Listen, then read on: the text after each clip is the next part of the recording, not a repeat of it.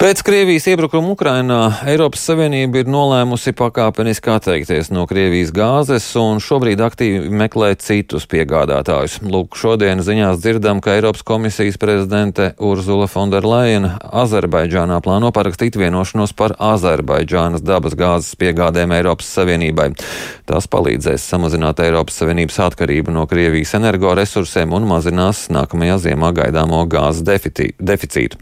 Bet, lai arī Eiropas Savienība Savienības plāns ir pakāpeniski atteikties no Krievijas gāzes, ir bažas, ka tas varētu notikt strauji. Pirms nedēļas apkopes darbu dēļ uz desmit dienām apturēta gāzes piegāde no Krievijas uz Vāciju pa cauruļu vadu Nord Stream.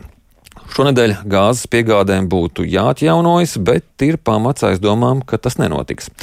Par notiekošo saistībā ar gāzes piegādēm tagad runāsim ar Eiropas parlamenta deputātu Robertu Zīlu no Nacionālās apvienības. Labrīt! Labrīt! Kādas ir jūsu prognozes par gāzes piegādēm? Nord Stream cauruļvads atsāks darboties, jeb šutā arī paliks uh, aizslēgts?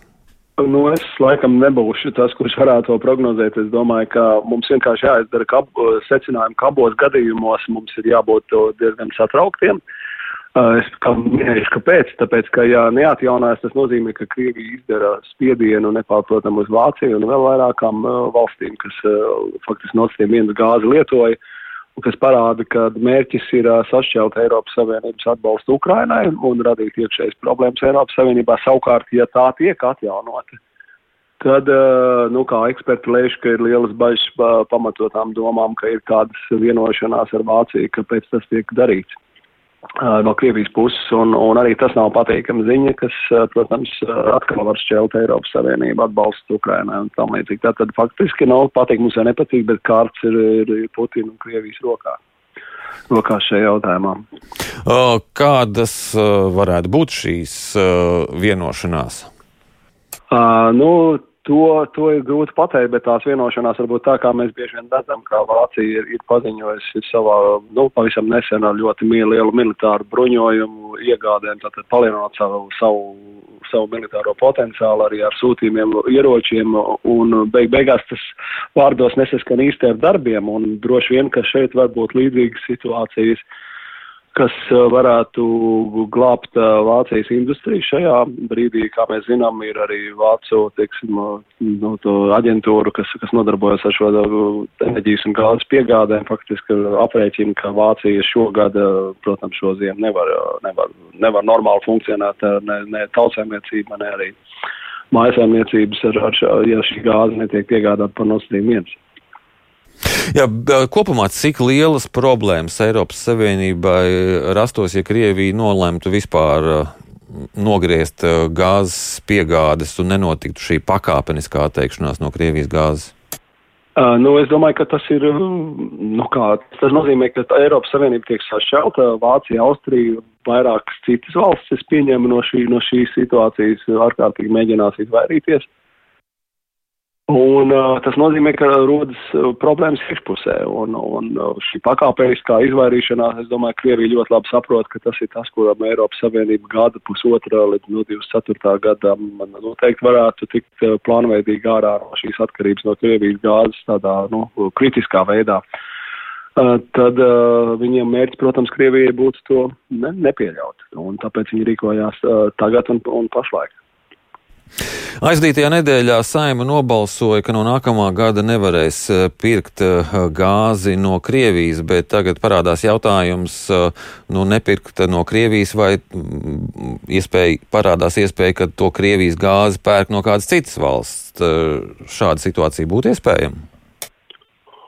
Mm, nu, man ir grūti atbildēt uzreiz, kā tur saima ir, ir balsojis to, to domu, kā viņi noformulējuši šo punktu. Es ne, ne, nesakoju, bija vēl pēdējā nedēļa, darba nedēļa Briselē.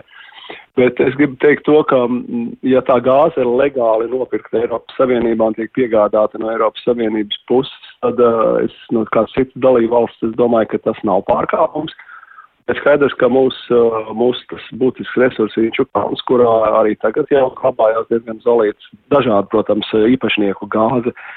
Inču kalnā, bet tas nozīmē, ka mums šis nu, sabalansējums tur ir. Un šajā gadījumā es, protams, gribētu redzēt, ka Latvija nepērk arī nu, citām Eiropas Savienības valstīm Krievijas gāzi, bet uh, katrā ziņā, ja mums tā situācija ir kritiska, es neredzu šajā gadījumā milzīgi problēma no šīs situācijas, ņemot vērā, ka Vācija, protams, pirks Krievijas gāzi, ja viņi piegādās daudz lielākā apjomā un līdz ar to, nu, faktiski stimulē šo iespēju Krievijas, Krievijas pusē uh, militāro potenciālu karam ar Ukrainu. Sašķidrinātās gāzes termināļa būvniecības jautājums jūsu ieskatā pie pašreizējās situācijas mums ir nepieciešams šīs termināls. Jūs šķiet vēl pavasarī jā, bijāt skeptisks par šo jautājumu.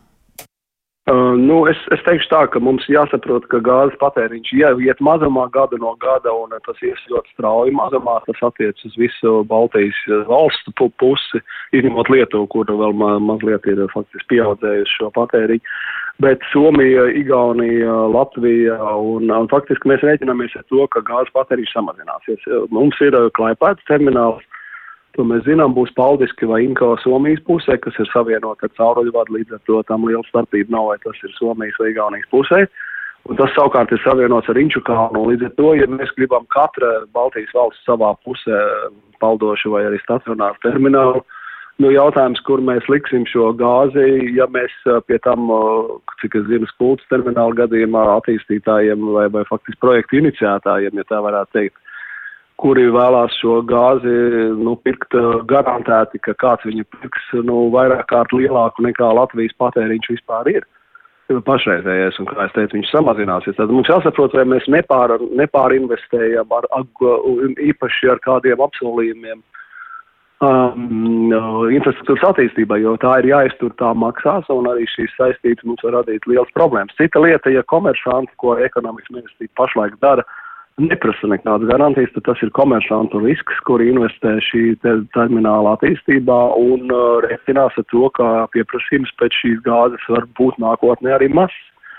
Jo tehniski mēs varam uh, visas Baltijas valsts un, un Somiju nodrošināt faktiski ar, ar to, ka mums ir tātad šis te Somijas Igaunijas savienojums ar attiecīgos LNG sašķinātās gāzes terminālu un ir klaipēts un ir arī Polijas Lietuvas savienojums, kas, protams, gāzes plūst pašlaik polijas virzienā, bet uh, viņi var plūst arī otrādi, īpaši tad, kad būs nākošais gads pabeigts uh, cauruļvats no Norvēģijas uz Poliju ar dabasgāzes vadu. Es teikšu jums paldies par šo sarunu. Atgādinu, ka mēs sazinājāmies ar Eiropas parlamenta deputātu Robertu Zīlu no Nacionālās apvienības un runājām par notiekošo saistībā ar gāzes piegādēm.